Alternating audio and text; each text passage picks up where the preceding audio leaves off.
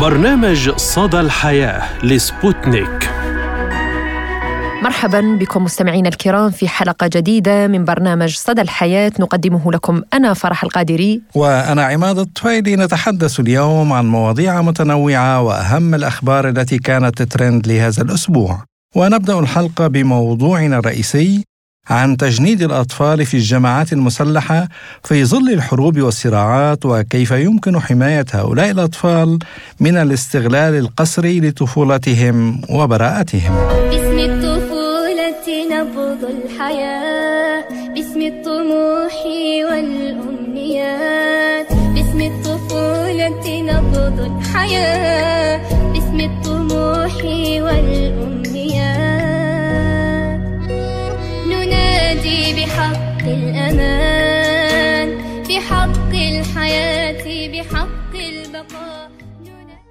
تهجير وهروب جماعي بلا هوية لا وثيقة لا مال لا شيء يثبت وجودهم. وظروف قاهرة تحتم عليهم مواصله الطريق المجهول. هذا يبيع أحد أعضائه ليهرب خارج البلد. وآخر يبيع أحد أبنائه ليسد مصاريف باقي عائلته التي لا يقل أفرادها عن الستة أشخاص. وآخر يزوج بناته القصر لشيوخ من أجل دولارات تسعفه لينتقل لمنطقة آمنة. واقع صعب يعيشه أطفال قدر لهم أن يولدوا في مناطق تعاني من الحروب ومصير مجهول ينتظر الكثيرين منهم من الذين نزحوا مع أهاليهم وفروا هاربين من بيوتهم خوفا من فقدان حياتهم ليقعوا ضحايا في يد من يستغلونهم بأبشع الصور. تجنيد الأطفال في الجماعات المسلحة واستخدامهم في القتال يعد انتهاكا صارخا لحقوق الطفل والإنسان. وجريمة إنسانية وجب معاقبة القائمين بها وتوفير حماية أكثر لهؤلاء الأطفال الذين يجندون قسرا في تلك الصفوف. سلط تقرير صادر عن الأمم المتحدة الضوء على النزاعات المسلحة حول العالم التي انخرط فيها الأطفال لوجود صلات لهم بالجماعات المسلحة ووضع ليبيا مع دول العراق فلسطين وبلدان أخرى كدول تعاني صراعات شهدت احتجاز أطفال بسبب صلات مزعومة لهم بجماعات مسلحة غير تابعة للدول. التقرير الأممي تناول قضية حماية المدنيين في النزاع المسلح وقدمه الأمين العام للأمم المتحدة أنطونيو غوتيريش إلى مجلس الأمن خلال شهر مايو أيار المنصرم حيث تحدث فيه عن وجود أكثر من 100 نزاع مسلح في العالم متوسط الواحد من تلك النزاعات يزيد عن 30 عاما. واستنكر غوتيريش في تقريره تجنيد الأطفال في الجيوش أو الجماعات المسلحة غير التابعة للدول واستخدامهم في القتال حيث استمرت تلك الظاهرة في جمهورية أفريقيا الوسطى والصومال وميانمار مع تسجيل زيادات في ليبيا وبوركينا فاسو وسوريا ومالي ونيجيريا. من جانبها كشفت لجنة التحقيق الأممية في ليبيا عن استمرار تجنيد أطفال سوريين في صفوف الجماعات المسلحة حسب ما ورد في التقرير الأخير حول انتهاكات القانون الدولي لحقوق الإنسان التي ترتكبها جميع الأطراف في ليبيا منذ عام 2016 وحددت اللجنة الأممية في تقريرها الأول إلى مجلس حقوق الإنسان ما وصفته بالأسباب المعقولة للاعتقاد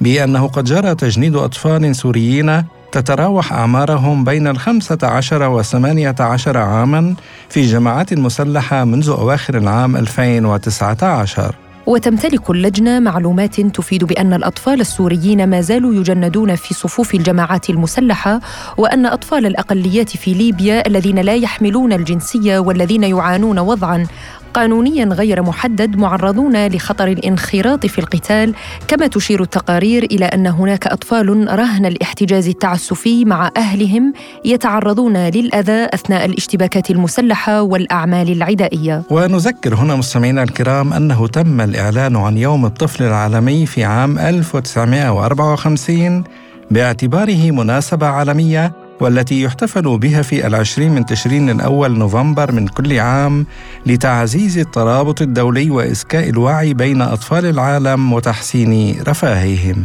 كما أن هناك يوم للطفل العربي بشكل خاص والذي يصادف اليوم الأول من شهر أكتوبر تشرين الأول من كل عام وهو اليوم الذي استشهد فيه الطفل الفلسطيني محمد الدرة. وتزامنا مع اليوم الدولي لحماية الأطفال والذي يحتفل به في الفاتح من يونيو حزيران كل عام منذ 1950 قضية تجنيد الأطفال في صفوف الجماعات المسلحة خلال النزاعات والحروب تعيد موضوع حماية الطفل من الانتهاكات والظلم والاعتداء والاستغلال بكافة أنواعه المادية والمعنوية إلى الواجهة. ماذا يعني تجنيد الأطفال في الحروب؟ وهل تستمر هذه الانتهاكات بعد سبعة عقود من تقرير قانون حق الطفل الملازم لحقوق الإنسان الطبيعية؟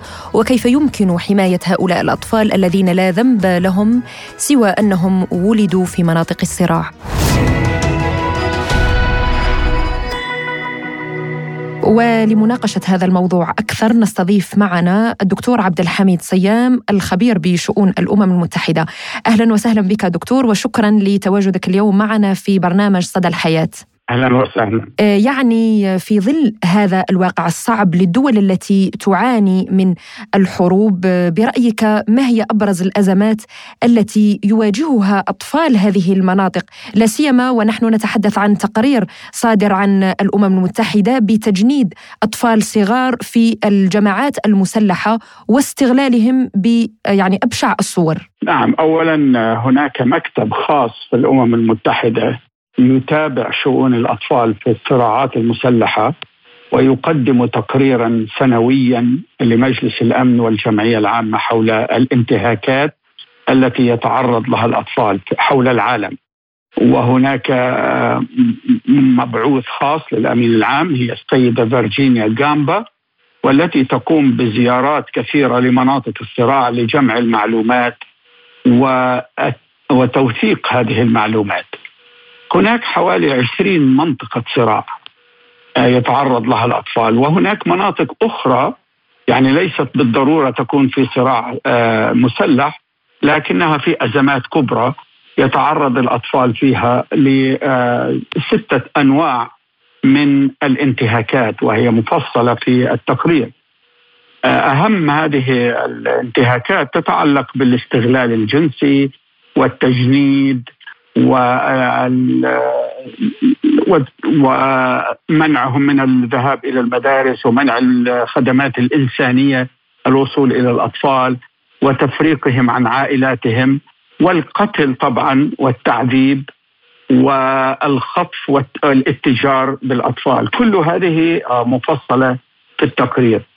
وأهم هذه المناطق التي كانت دائما آه، تحظى حجم كبير من التقرير. هو ما كان يجري في أفغانستان وفي دول أفريقيا مثل مالي ومثل الكونغو ومثل جمهورية أفريقيا الوسطى وكذلك في الأراضي الفلسطينية المحتلة وفي اليمن وفي ليبيا وفي العراق وفي هيتي فالتقرير مفصل هذه المعاناة المتواصلة والتجنيد القسري للأطفال برأيك كيف يمكن تخليصهم من هذا الوضع وحمايتهم من تلك المنظمات؟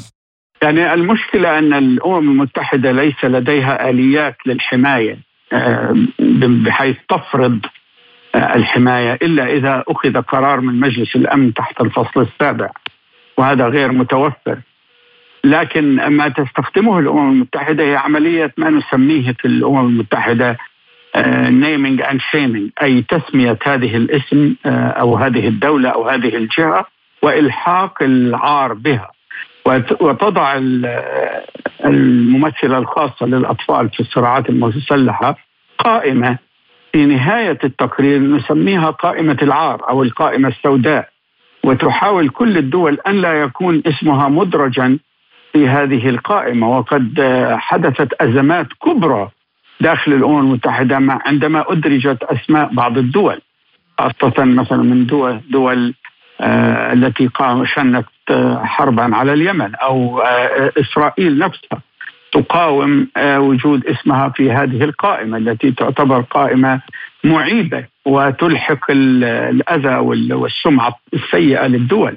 لكن إذا لم يكن هناك تعاون دولي وإذا لم يكن هناك آه، آليات لفرض الحماية على الأطفال فلا يستطيع أحد آه، أن آه، يتدخل في مثل هذه القضايا. إلا كما قلت تجميع المعلومات وتوثيقها ونشرها وإلحاق العار بتلك الدولة أو ذلك الحزب أو ذلك الجيش أو تلك المجموعة المسلحة. طيب يعني دكتور عبد الحميد لماذا برأيك يتم استهداف فئة الأطفال بشكل خاص في الحروب؟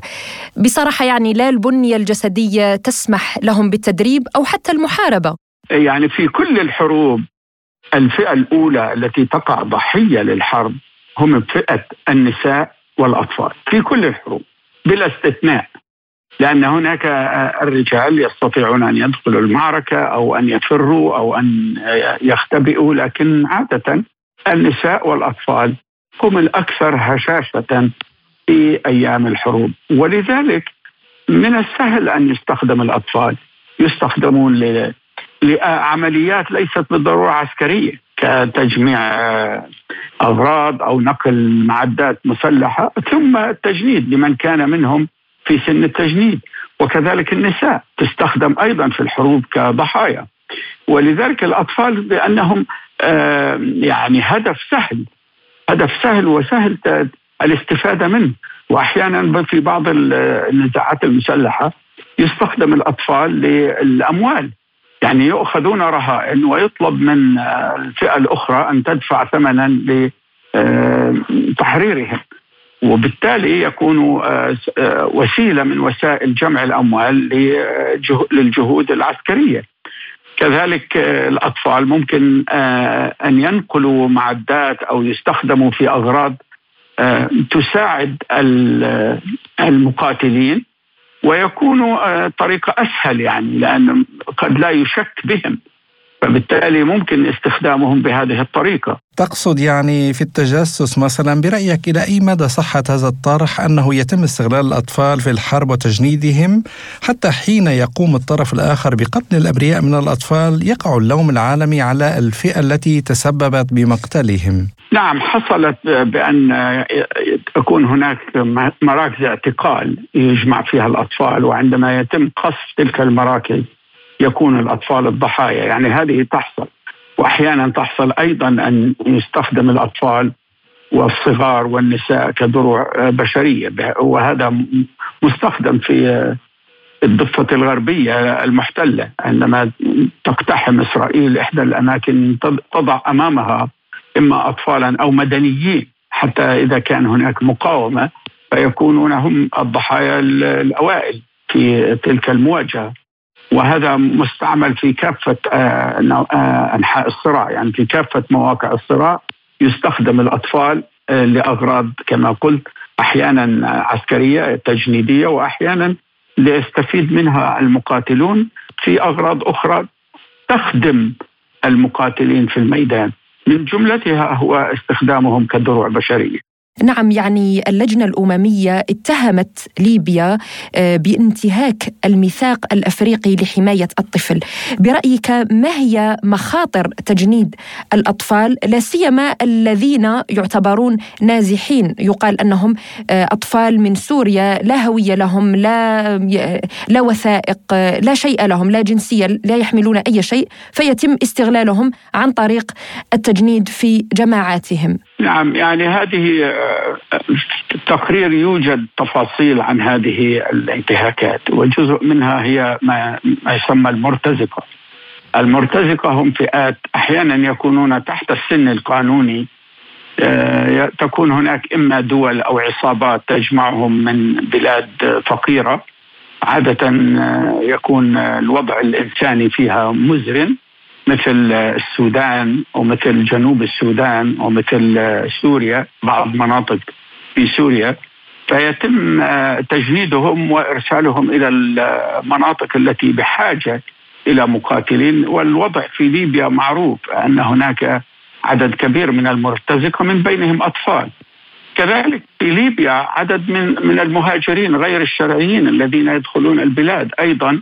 من الأطفال آه، لأن هناك عدد كبير من النساء والأطفال والعائلات التي آه، تدخل الحدود دون إذن وبعضهم لا يكون لديه وثائق وبالتالي تستغلهم الجماعات آه، إما الجريمة المنظمة أو الميليشيات المسلحة لتستفيد منهم. وهذا شيء موجود طبعا في أوكرانيا كذلك الآن أصبحت هي جزء من التقرير جزء مهم من التقرير لأن هناك عملية ما طبعا بحاجة إلى توثيق وقد زارت فيرجينيا جامبا أوكرانيا للتأكد من قضية الأطفال لأنهم نقلوا إلى روسيا أي فرقوا عن أهاليهم ونقلوا إلى روسيا.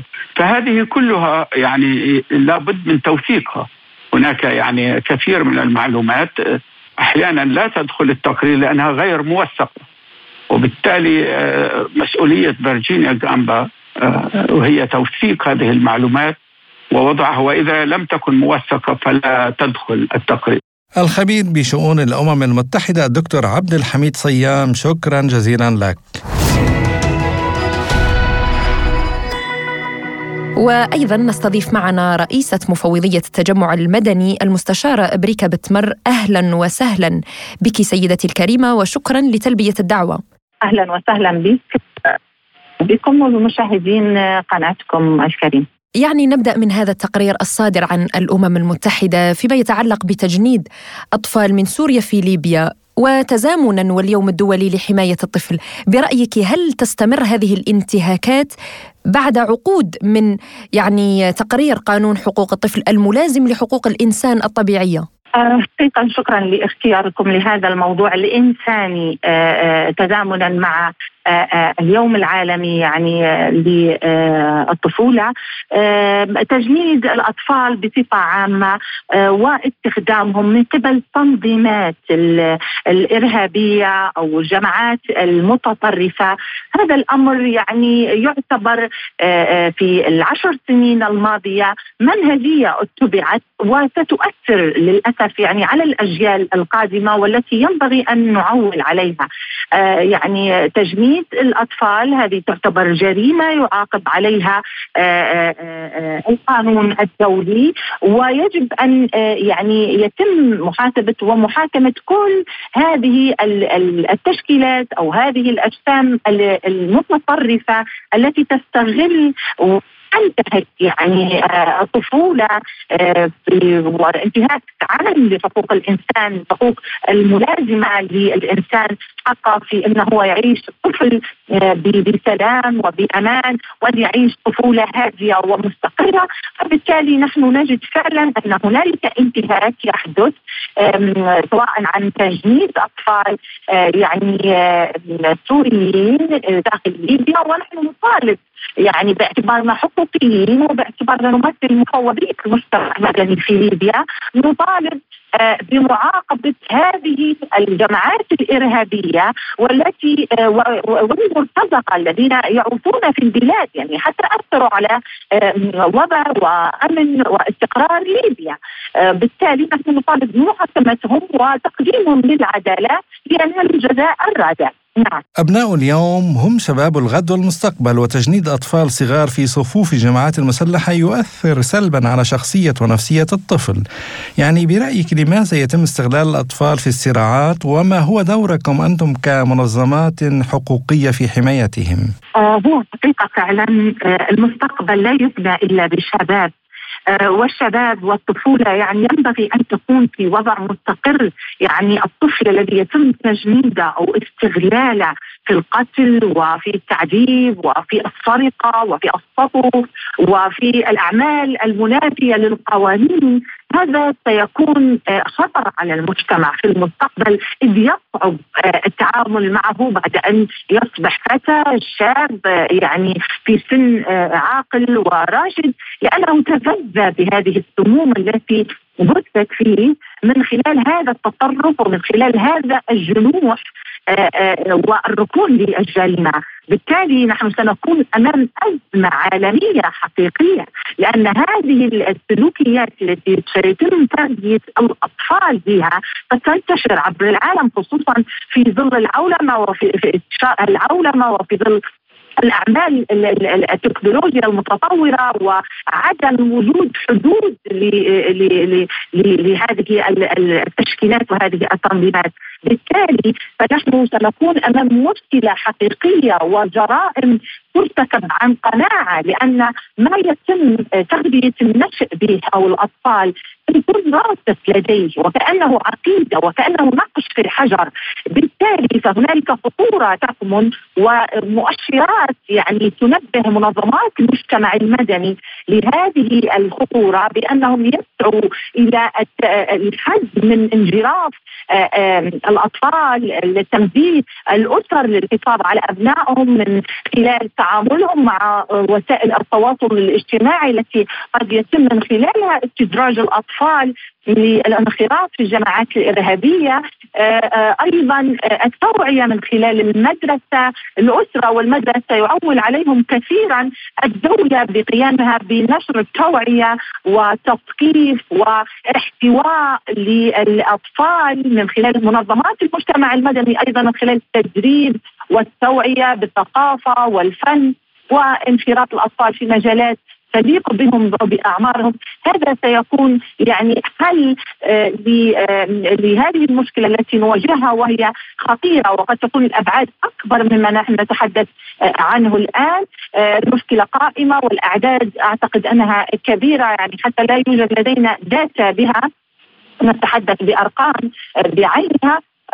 لذلك وجب التنبيه على هذا الخطر لكي لا يستفحل ولكي لا ينتشر يجب الاهتمام بهذه المعضلة التي قد تؤثر على النشء وعلى المستقبل آه، القريب القادم إن شاء الله. يعني لو نتحدث عن فكرة تجنيد أطفال من دول مناطق الصراع كيف يمكن الوصول إليهم وإنقاذهم من تلك الجماعات برأيك؟ هو آه، آه، في الحقيقة يعني آه، الحديث عن التعامل مع الجماعات الإرهابية أو الخارجين عن القانون هؤلاء لا يحترموا القوانين لا يحترموا قانون حقوق الإنسان ولا قوانين النزاعات المسلحة.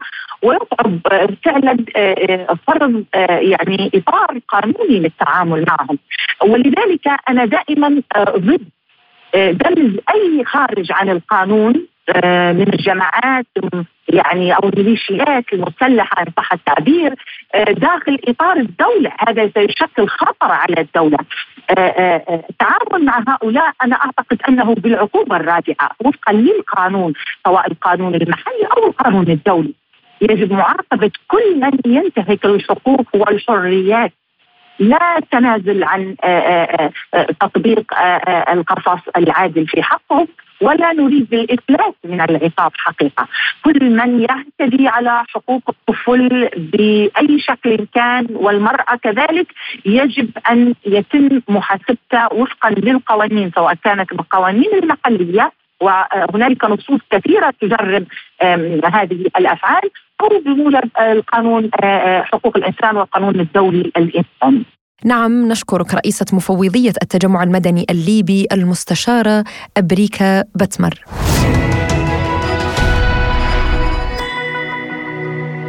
باسم الطفولة نبض الحياة باسم الطموح والأمنيات باسم الطفولة نبض الحياة باسم الطموح والأمنيات نواصل مستمعينا الكرام معكم حلقة اليوم بأهم الأخبار التي كانت ترند لهذا الأسبوع وما هو أول خبر لديك يا عماد؟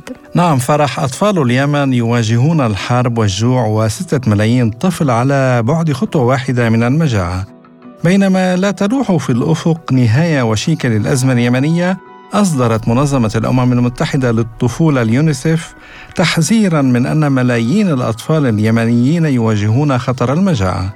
وأصدر مكتب المنظمة في اليمن تحذيره عبر تغريدة على تويتر جاء فيها أن ما يقرب من ستة ملايين طفل في اليمن على بعد خطوة واحدة فقط من المجاعة إنهم في حاجة ماسة إلى دعم عاجل.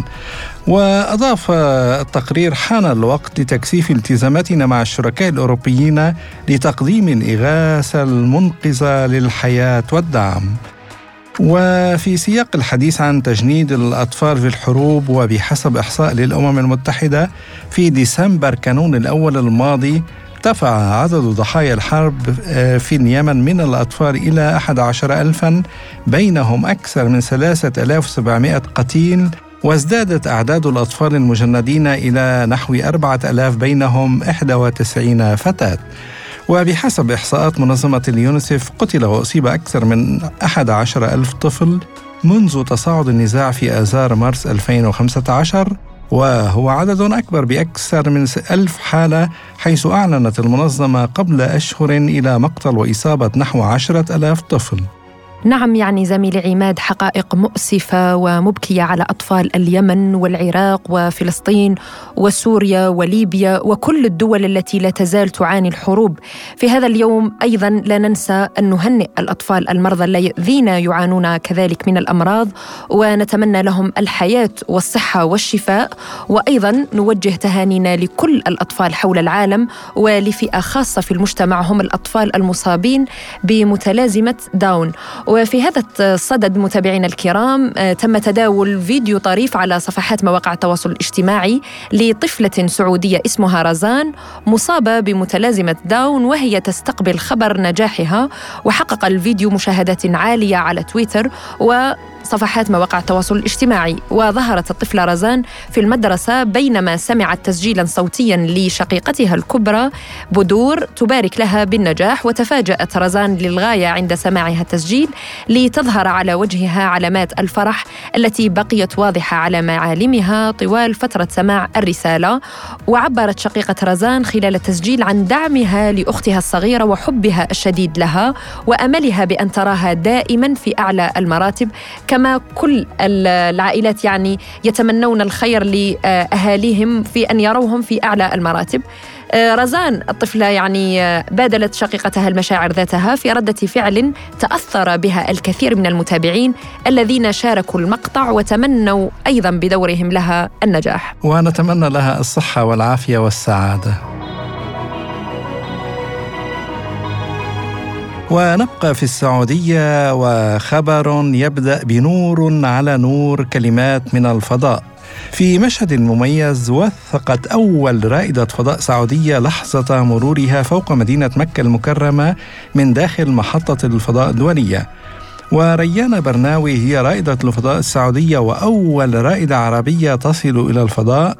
وهي باحثة متخصصة في العلوم الطبية الحيوية وتسعى من خلال رحلتها إلى الفضاء لإجراء بحوث تتعلق بالخلايا الجذعية وسرطان الثدي. ونشرت برناوي مقطع فيديو حصد ما يزيد على مليون وأربعمائة ألف مشاهدة خلال ساعات يوثق لمرور المحطة فوق السعودية ورؤية الحرم المكي بالعين المجردة. وقالت رائدة الفضاء السعودية في تعليقها بعدما خلصت تجاربي لليوم صادف مرورنا فوق مكة المكرمة نور على نور. زميلي عماد يعني آه، رائدا الفضاء السعوديان ريان برناوي وعلي القرني عادا إلى الأرض بعد رحلة دامت عشرة أيام في الفضاء. أدخلتهما التاريخ واختتما تنفيذ 14 تجربة علمية رائدة ضمن مهمتهما العلمية على متن محطة الفضاء الدولية. وتضمنت ست تجارب في الدماغ والجهاز العصبي وأربع تجارب في الخلايا المناعية وتجربة في تكنولوجيا استمطار المياه. يعني نقول لهم مبروك وإلى الأمام وهذا شرف للدول العربية كذلك نعم. إلى مزيد من التقدم والعلم والحضارة وإلى هنا مستمعينا الكرام تنتهي حلقة اليوم من برنامج صدى الحياة. كنا معكم فيها أنا عماد طفيلي. وأنا فرح القادري. ولا تنسوا الاشتراك ومتابعة قناتنا على التليجرام وموقعنا الإلكتروني سبوتنيك dot ae. إلى اللقاء. وشكرا لإصغائكم وإلى اللقاء. إلى اللقاء.